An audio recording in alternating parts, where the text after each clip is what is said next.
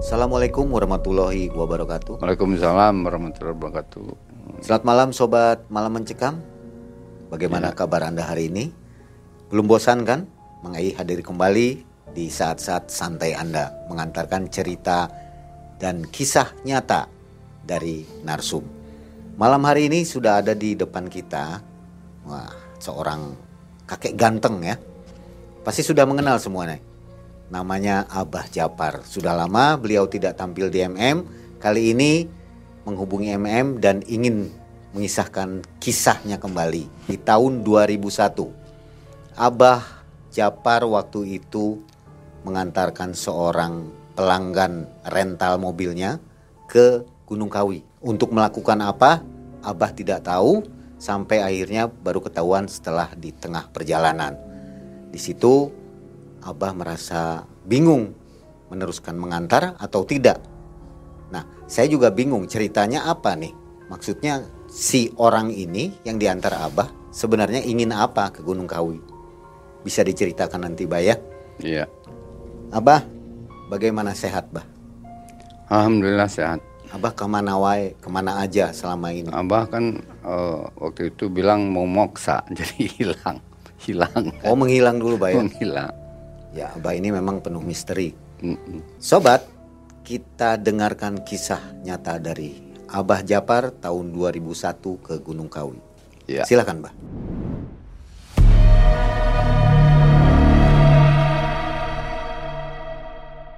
Jadi pada waktu itu mengenai ada teman yang datang ke rumah mau menyewa mobil. Dulu Abah kan ada mobil yang untuk disewakan. Berikut eh, Abah juga yang nyupirnya gitu. Rental ya, Bah. Ya rental lah kalau sekarang dibilangnya. Nah orang itu bilang ada seorang ibu-ibu yang mau eh, pergi ke Jawa Timur.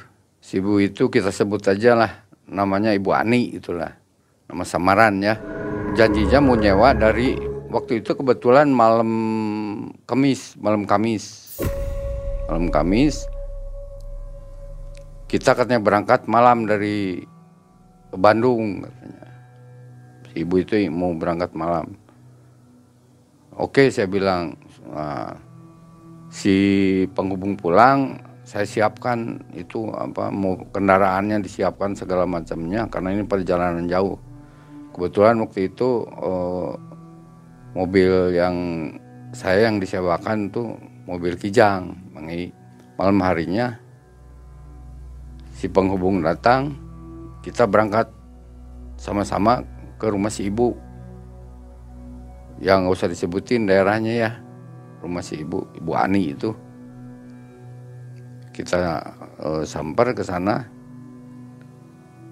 Dikirain tadinya si penghubung ikut. Nggak taunya ibu Ani sendiri yang pergi ke Jawa Timur. Abang nggak tahu ini maksudnya apa. Eh, abah kira mau berkunjung ke keluarga gitulah. Abah tanya begitu berangkat, abah tanya di jalan kan, begitu berangkat, bu ini ke Jawa Timur kok sendiri aja gitu, apa nggak ada keluarga yang nganter atau mendampingi? Oh nggak ada pak katanya, saya sendiri aja. Kebetulan ada keperluan, terus abah tanya lagi, Jawa Timurnya di mana bu? Di ke Malang katanya daerah Malang. Oke lah, asal ditunjukin jalannya aja bu, karena nanti di sana kan nggak tahu. Iya katanya kata ibu. Pergilah perjalanan dari Bandung ke Jawa Timur kan bukan sebentar kan. Di perjalanan kita sempat si ibu bilang mampir dulu lah istirahat di rumah makan istirahat dulu kita istirahat sekitar jam istirahat sekitar jam 2 malam lah Kemudian istirahat itu di daerah mau perbatasan Jawa Tengah tuh kalau nggak salah daerah situ kalau nggak salah tuh. Nah ketika makan di istirahat makan itu hati udah mulai agak nggak enak gitu. Sepertinya oh, apa ya nggak enak aja pokoknya. Tapi karena oh, ini abah mah cuma dibayar untuk disewa untuk nganter. Ya doa lah berdoa. Selesai makan selesai ngopi beres berangkat lagi. Berangkat lagi. Si ibu akhirnya di jalan tidur. Tidur dia tidur. Abah sendiri aja nyepir terus. Berusaha untuk tidak ngantuk lah. Nah sudah mau memasuki Jawa Timur si ibu cerita bangun bangun terbangun ya biasalah minum dulu apa dulu baru dia cerita. Emang ceritanya tuh seperti yang apa namanya seperti yang uh, sedih lah gitulah seperti agak prihatin gitu. Oh sebetulnya abah nggak nanya nggak nanya gimana gimana si ibu tiba-tiba cerita. Jadi kehidupannya tuh uh, janda si ibu tuh ternyata sudah janda jadi dia membesarkan anak-anaknya. Dia ternyata berjualan toko sembako semacam semi grosir lah. Karena disebut besar belum belum besar kecil lah. Dia pengennya jadi grosir besar gitu dia ceritanya. Oh lama-lama terus sudah mendekati lah mendekati dari Malang. Udah udah itu kan udah siang kan udah siang hari si ibu baru cerita lah bahwa tujuannya itu ke Gunung Kawi. Saya masih apa masih nggak ngeh nih ke Gunung Kawi ngapain? Nih ibu mau ngapain nih? Mungkin aja ke saudaranya kan. Cuman pikiran kan kalau Gunung Kawi itu terkenalnya kan tempat pesugihan. Uh, makanya rada deg-degan juga. Ceritanya malam hari sampailah di tempat tujuan. Ternyata benar si ibu tuh mau uh, pesugihan. Mau ritual. Dia udah dikasih ada yang ngasih tahu harus ketemu siapa di sana kuncennya apa yang harus dilakukan biaya berapa dia si ibu sudah tahu. Sudah ada yang ngasih tahu. Jadi abah abah cuma ngikuti aja. Ketika parkir udah sampai ke tempat parkir. Kita berjalan lagi berjalan kaki ke atas. Berjalan kaki ke atas. Itu udah mulai mau maghrib tuh dan gangguan-gangguan di perjalanan sedang jalan kaki itu ada yang manggil-manggil kaget juga eh serem gini. Cuman pada waktu itu kan Abah sudah mulai bisa agak bisa melihat dengan batin gitulah. Jalan kaki ke atas sampailah ke rumah-rumah. Di situ ada satu rumah si ibu mengetuk ke situ memberi salam mengetuk ya ternyata oh banyak orang yang ke sana, bukan cuman kita. Banyak ada maaf ya ada etnis ya tertentu lah, terus ya campur lah. Campur dari semua oh inilah suku gitu semua apa maksudnya etnis. Banyak. Keluarlah eh, seorang wanita yang bertanya mau ke siapa. Si ibu tanya, Pak Anu ada? Sebut aja Pak Ahmad gitulah. Ada keperluan apa? Ya ini uh, sudah ada janjian. Teman saya sudah janji saya akan datang. Bu Ani udah ya silakan silakan masuklah ke dalam. Ternyata Pak Ahmad itu kuncennya itu ya namanya Pak Ahmad itu. Abah tuh sebetulnya nggak mau ikut tadinya nggak mau nggak mau tahu lah gitu. Soalnya ini kan masalah masalah gitulah nggak nggak apalah. Tapi nggak sengaja kedengeran obrolan itu. Obrolan biayanya berapa beli sajennya berapa. Dan nanti harus beli ini katanya beli apa? Beli kambing istilahnya. Entah kambing kambingnya di mana nggak tahu lah akhirnya oh, abah disuruh mendampingi si ibu jadinya. Karena si ibu kelihatannya oh, butuh manggil butuh yang ngedamping gitu. Nah kita istirahat aja di situ. Sudah diberi makan dikasih makan. Di rumah kuncen tuh makanan tuh tersedia. Tersedia katanya dananya ya dari ini katanya dari apa yang suka datang ke sana. Suka rutin datang ngasih uang untuk makan siapa aja. Makan makan istirahat lah tidur karena lelah si ibu tidur abah juga tidur. Beda tempat tapi abah di tengah rumah uh, ada tempat untuk lesehan lah. Jam 12 malam kuncen nyamperin ngebangunin. Bangun bangun. Ternyata udah saatnya ritual. Bayangin aja ritual kan berarti oh ini bukan main-main kan Abah tuh udah saya tuh udah deg-degan gitu deg-degan wah ini gimana ini gimana? Tapi ya ngikut aja. Begitu disiapkan si ibu disuruh mandi Bu Ani suruh mandi sama kuncen. Abah nunggu Abah nggak disuruh mandi. Nah oh, ketika si ibu mandi suasana makin malam makin nggak enak gitu. Maksudnya ada banyak aneh-aneh lah. Kan abah udah bisa melihat dengan batin lah. Itu mulai itu di pintu rumah kuncen tuh ada yang tinggi besar seperti sosok hitam matanya ini coklat besar matanya tinggi besar ngeliatin ke dalam. Wis, abah lihat, wah,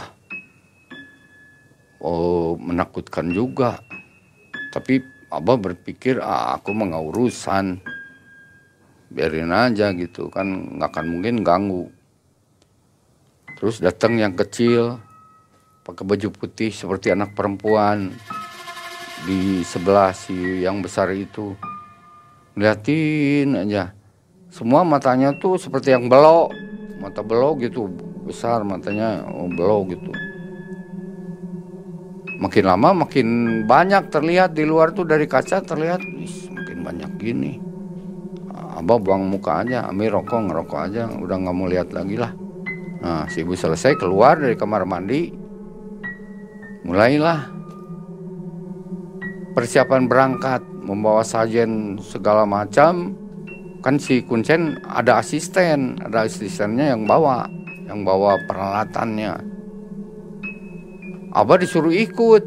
Kan kalau ikut, duh takut-takutnya kesangkut lagi.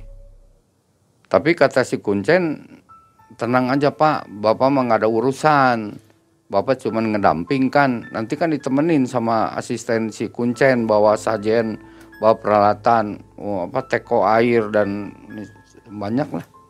Akhirnya dengan deg-degan, untung abah bawa jaket tebal kan dingin di sana dengan dengar begitu naik ke atas emang pemandangan bagus tapi di situ tempat ibadah itu bermacam-macam.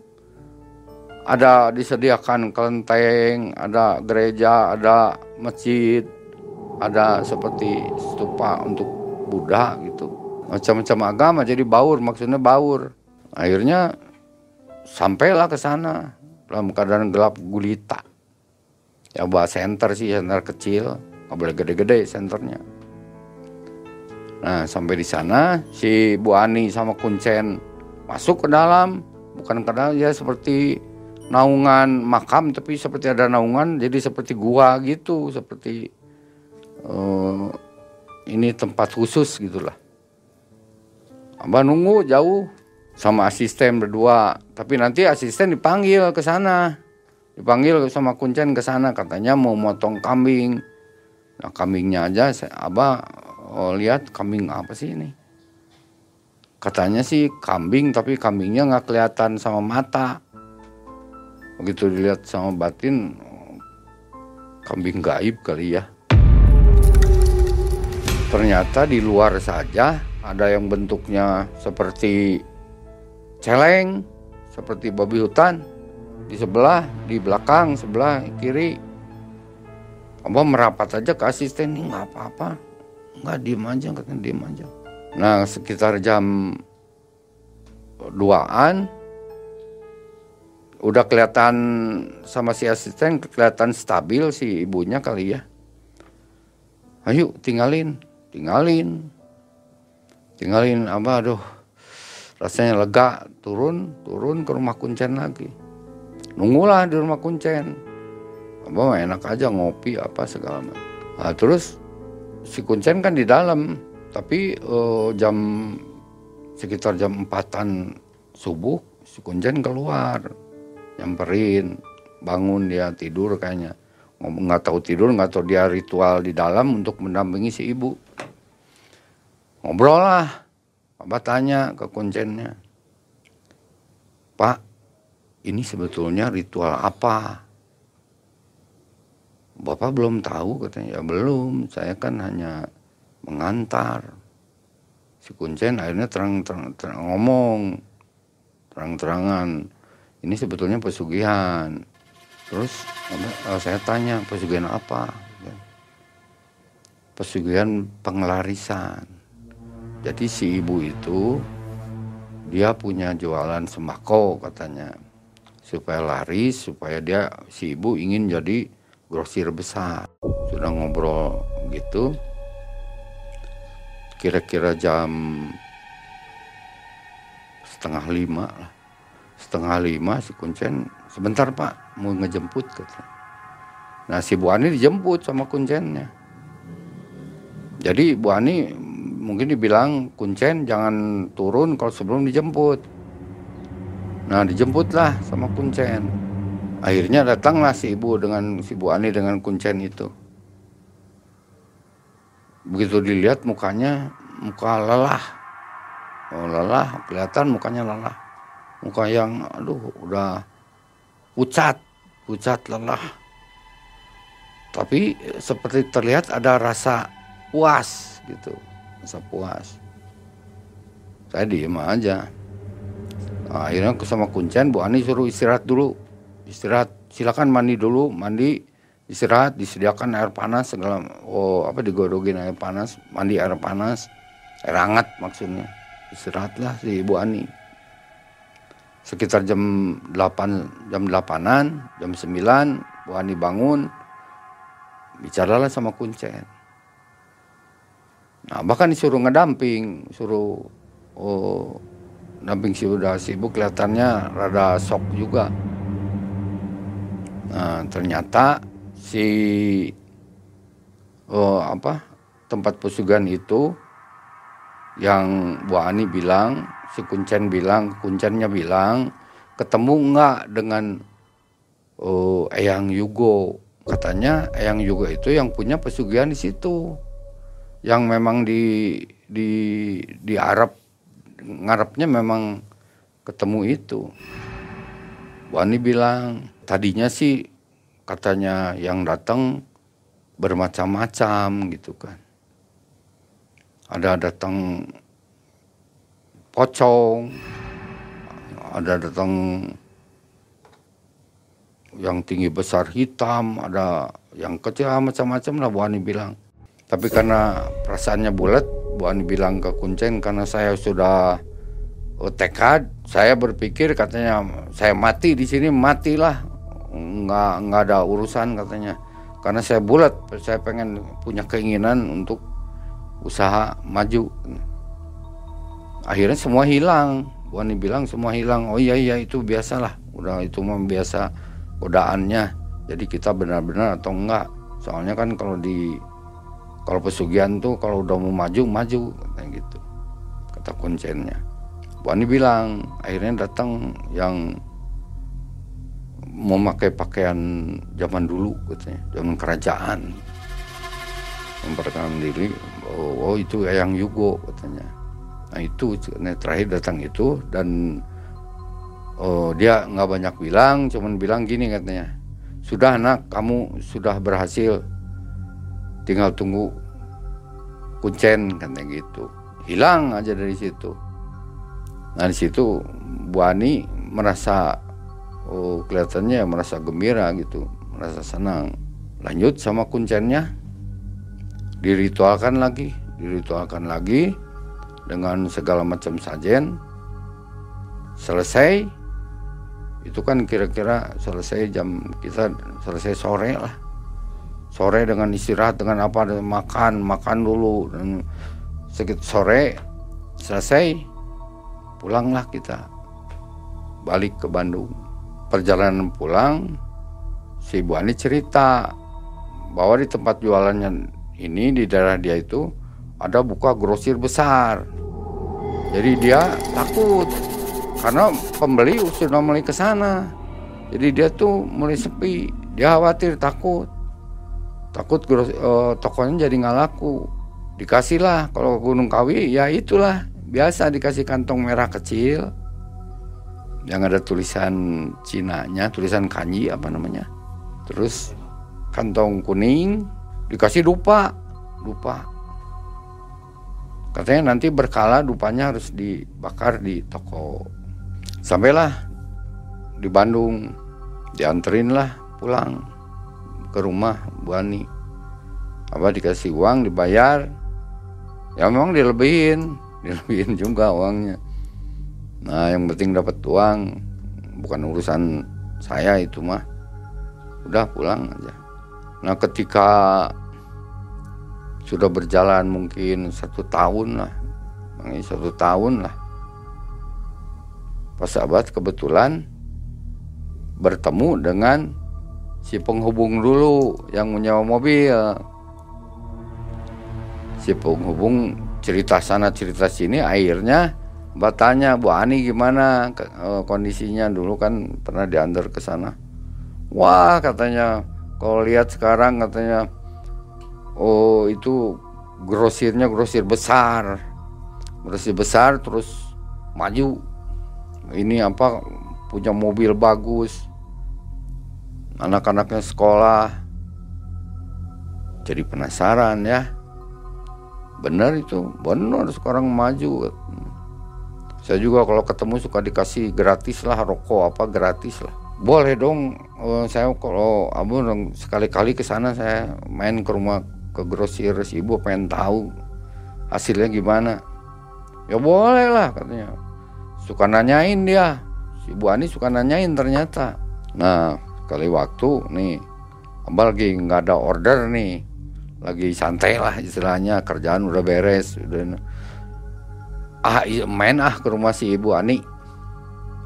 Ke tokonya. Ya. Ya abah pakai pakai itu biasa si si apa si jimat si kijang itu.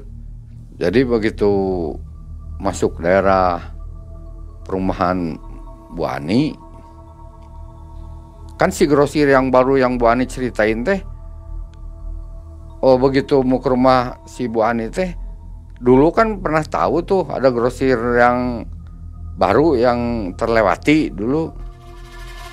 Pas terlewati dilihat kelihatannya biasa-biasa aja gitu nggak nggak ramai seperti dulu. Ya kelihatannya satu dua orang gitu nggak nggak. Begitu sampai rumah si ibu itu grosirnya jadi ramai jadi pembeli non-stop itu terus. Sampai bukanya eh bukannya tuh tutupnya maksudnya agak malam karena ya pembelinya dari mana-mana. Nah, saya nungguin dulu nungguin. Kan sebelah grosir grosir itu bersatu dengan rumah. Maksudnya seperti di garasi seperti gitu kan. Udah disuguhin sama pembantunya oh, kopi. Malah dikasih rokok. Kata ibu ini rokok. Abah santai aja di situ. Sekitar jam 7 tutup tuh kan. Grosirnya. Pegawainya nutup sama si ibu beres-beres mungkin ngitung uang atau apa. Beres. Si ibu ke dalam mungkin cuci tangan apa. Barulah menemui aku disuruh ke dalam rumah. Tadinya saya nggak mau di dalam rumah lah apa nggak mau dalam rumah. Di luar aja. Begitu ada si ibu ya maulah ke dalam rumah. Nah kita ngobrol lah di dalam. Apa bilang kan wah bu Bu Ani. Wah benar Bu Ani. Usahanya sekarang maju benar nih. Oh ramai gitu grosirnya. Tadi terlihat mobil Bu Ani juga baru tuh. Mobil keluaran baru. Mobil mahal juga tuh. Bu Ani senyum senyum aja senyum senyum. Akhirnya ngobrol apa kabar bapak? Ke mana aja? Nggak pernah ke sini gini ya ya ada saya ke sini juga ada uh, apa namanya malu lah kalau nggak disuruh kan ngapain gitu datang gini. Enggak main, main aja sering ke sini mbak katanya uh, saya tuh. Ya akhirnya ngobrolnya saya tuh kan nggak ada teman saya tuh kan single katanya kebetulan kan abah juga single. Kok jadi ke situ ya? Akhirnya pembicaraan agak ke masalah-masalah ya kelihatannya Bu Ani agak-agak gimana gitu. Sebetulnya abah juga rada-rada seneng juga. Ya maaf nih ceritanya jadi ke sini. E, karena memang terlihatnya cantik gitulah. Tapi saya takut waktu itu masih muda belum kayak gini. Kan obat tahu latar belakang ininya kemajuan atau apanya kan tahu. Itu sebetulnya kita ngobrol di ruang tamu kan. Tapi ada ada juga rasa-rasa rasa apa ya? Begitu dilihat oh ya walau alam lah terlihat banyak makhluk-makhluk yang ya ukuran-ukuran semanusia lebih tinggi dikit lah. Ukuran orang segitu. Udah gitu kebelet nih apa nih? Kebelet. Bu Wani ikut ke kamar mandi lah. Uh, oh iya iya boleh boleh boleh. Uh, abah mau ke kamar mandi ke belakang tapi ditunjukin sama Bu Ani yang kamar mandi di dalam di depan. Ya bukan di depan maksudnya di ruangan dalam lah bukan kamar mandi belakang. Tanda tanya juga ah, Bu Bu Ani saya kamar mandi belakang aja. Nggak usah nggak usah di sini aja. Biar sebetulnya oh, kamar mandi apa namanya yang di dalam kamar jadi di di ya kamar pribadi kamar pribadi saya nggak mau abang nggak mau gitu kan. Tapi dipaksa. Nah ketika melalui dari belakang balik-balik kan ke belakang area disuruh di situ balik ternyata memang terlihat sih. Ada dupa dupa ada. Terus si kantong-kantong itu dipasang gitu. Dipasang di atas. Di atas pintu tuh dipasang si kantong kuning itu kantong merah mungkin di tokonya yang di rumahnya dilihat ada kantung kuning jadi si aura bau aroma bau di rumah itu ya bau dupa. Bau dupa begitu. Nah udah selesai ngobrol lagi. Akhirnya oh, ya ngobrolnya rada-rada terus gitulah. Ditawarin makan. Kebetulan kan abah udah makan dari rumah.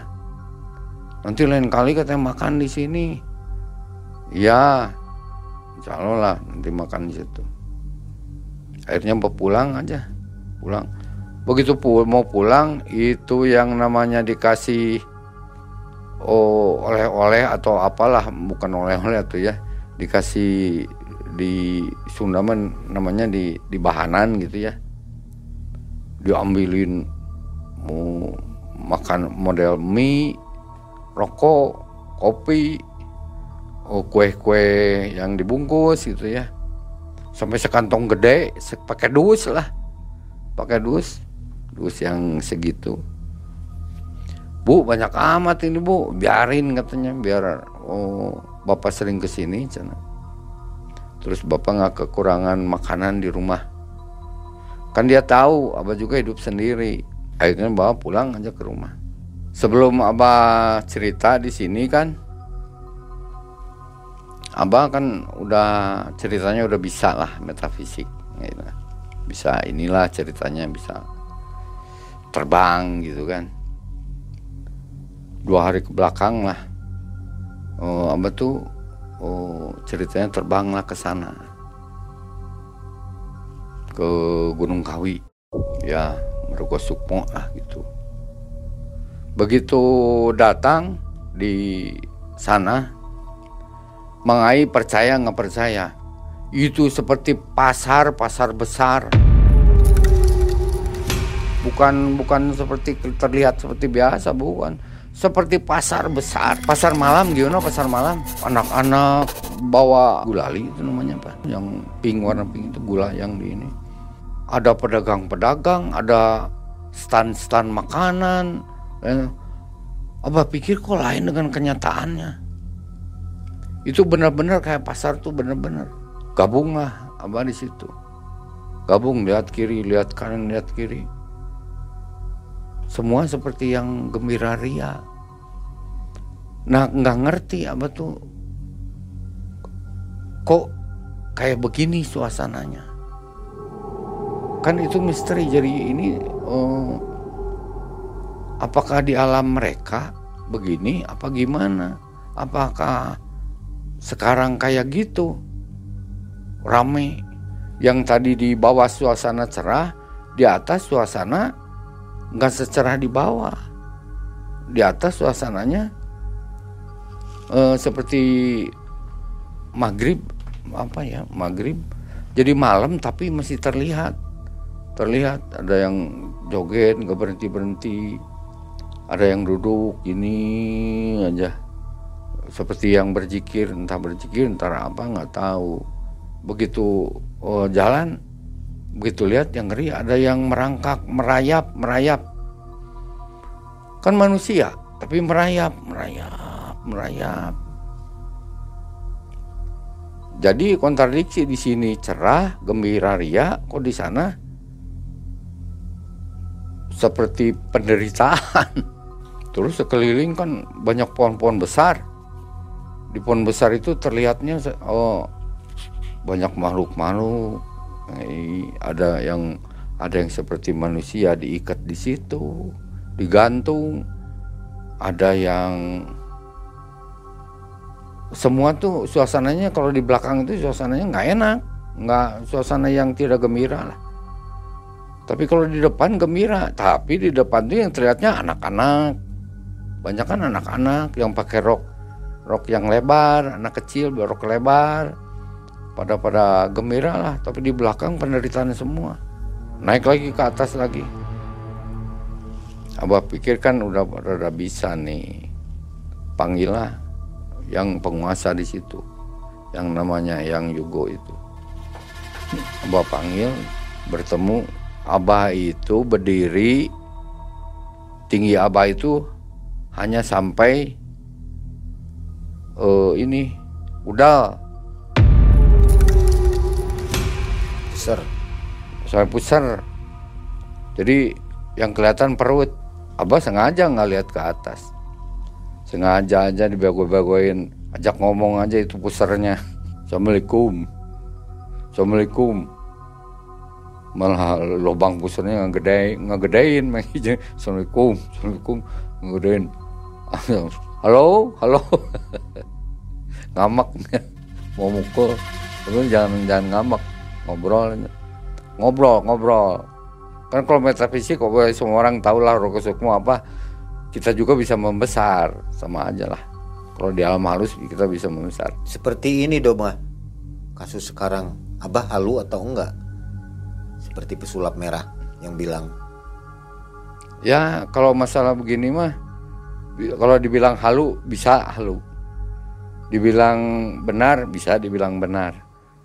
Karena apa? Manusia itu punya halus. Halus manusia itu kan bisa keluar.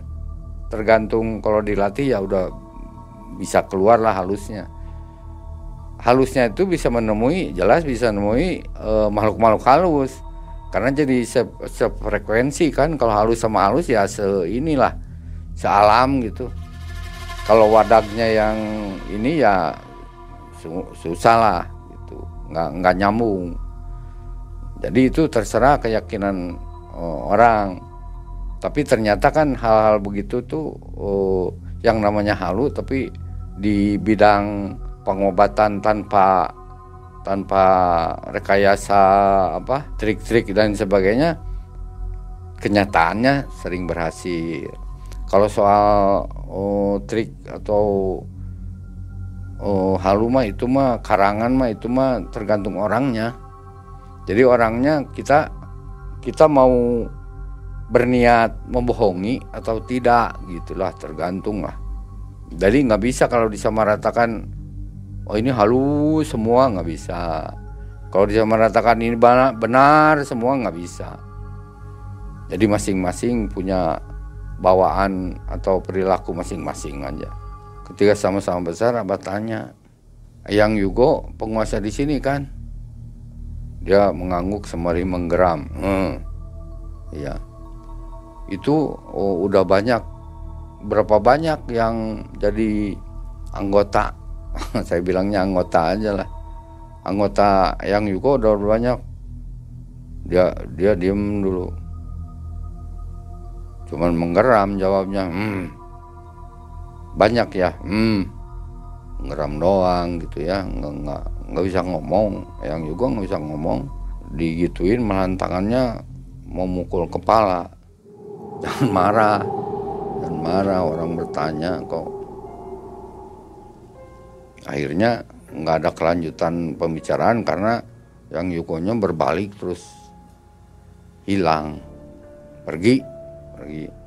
Tapi abah coba karena kuncen juga kan mempunyai ilmu lah. Bisa diajak bicara gitu ya. Temuin ke rumah kuncen.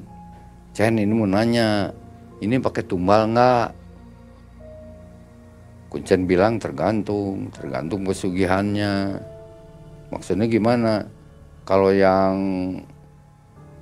oh, minta duit plak plak itu tumbalnya jelas jadi usaha tapi dibantu duitnya blak gitu ya. Datang duit datang duit itu pakai tumbal. Tumbalnya setahun sekali. Yang ditumbalin siapa aja katanya. Terserah yang tumbal terus kalau kata, kayak si ibu Ani itu yang penglaris pakai tumbal nggak? Tanya gitu. Itu nggak pakai tumbal kecuali diri sendiri. Diri sendiri gimana? Ya nantinya uh, pulangnya diambil dalam berapa tahun ya terserah nanti uh, perjanjian dengan Bu Ani dengan yang Yugonya sendiri katanya. Berarti sini oh, mati umur uh, selama 10 tahun mati diambil. Ini juga sama mati diambil, mati nggak sama tergantung. Kunjan bilang tergantung ini enggak saya juga nggak tahu. Ini Bu Ani kebagiannya perjanjiannya apa tidak tahu. Jadi dilihat aja nanti apa kejadiannya. Dan Bu Ani itu ternyata setiap enam bulan kalau nggak salah cerita setiap enam bulan ke sana. Waktu itu Bu Ani kan bilang waktu itu oh lupa saya cerita. Bu Ani bilang waktu itu dicari abang nggak ada. Calon bapak nggak ada.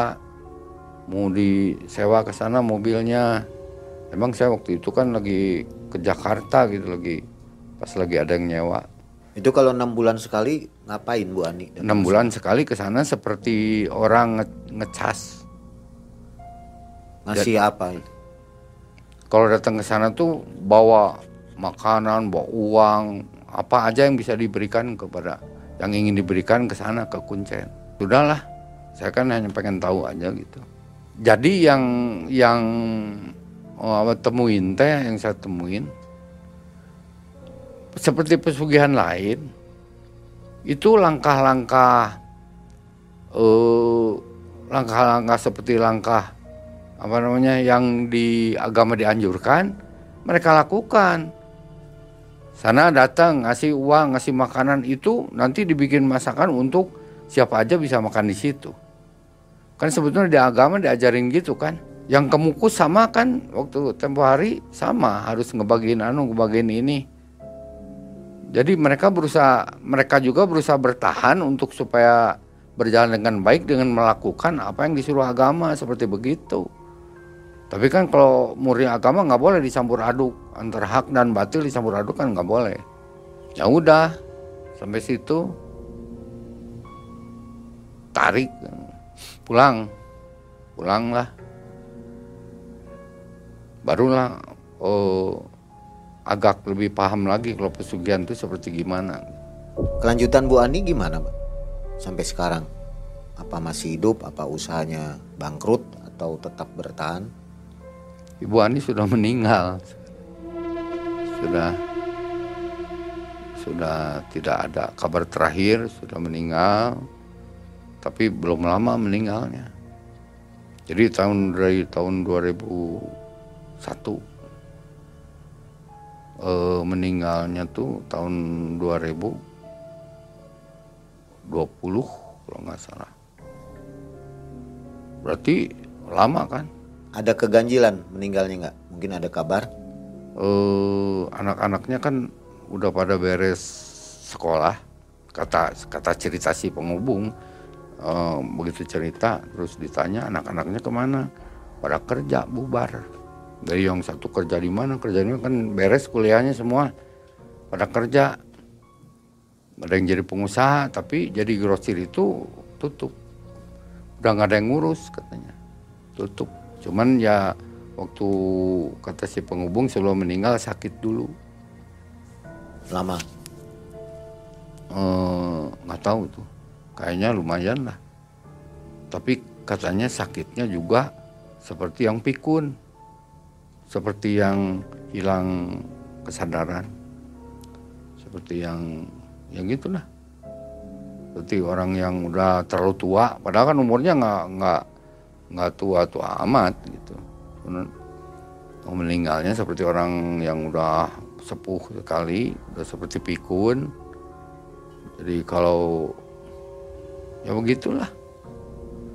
Pesan untuk orang yang ingin melakukan pesugihan apa, Bah? Ya kalau pesan serius mah nggak usah lah, nggak usah pakai pesugihan karena jadi kalau abah pikir mah gini, kita hidup manusia hidup da- harusnya dalam hidup dalam keadaan kekurangan atau kelebihan ya tetap aja lah oh, datar lah gitu. Kalau kita kekurangan ya usahakanlah sebisa-bisa kita.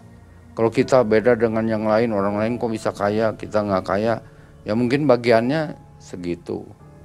Mungkin apa yang mempengaruhi, mungkin latar belakang pendidikan atau oh, dan lain sebagainya lah. Tapi ada juga yang pendidikannya kurang kaya, mungkin dia oh, apa rajinnya dalam usaha itu betul-betul giat, terus ulat berhasil gitu. Ya kembali ke diri masing-masing lah.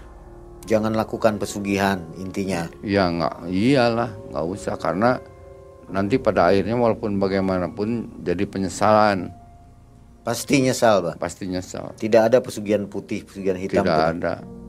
Yang Semua- ada namanya pesugihan pasti jelek, Iya, pasti akhirnya negatif. negatif. Karena kan kalau di kita memang nggak bicara soal agama ini ya, tapi kalau dilihat dari agama kan oh dilarang itu semua kan. Nah, sobat, untuk Anda yang mungkin terkesima dengan kisah Abah ini, kisah nyata Abah ini, berarti sudah dibuktikan oleh Abah bahwa pesugihan itu tidak ada yang baik ujungnya. Iya. Dan jangan coba-coba untuk dilakukan. Sebaiknya tidak dilakukan. Sebaiknya tidak dilakukan. Sekian saja kisah dari Abah, kisah tentang Gunung Kawi. Mungkin Anda ingin berkomentar di bawah, bertanya, silahkan. Kami tunggu komentarnya. Terima kasih Abah. Sama-sama, Mai. Terima Saya kasih. Mang Ei dan tim undur diri. Assalamualaikum warahmatullahi wabarakatuh. Waalaikumsalam warahmatullahi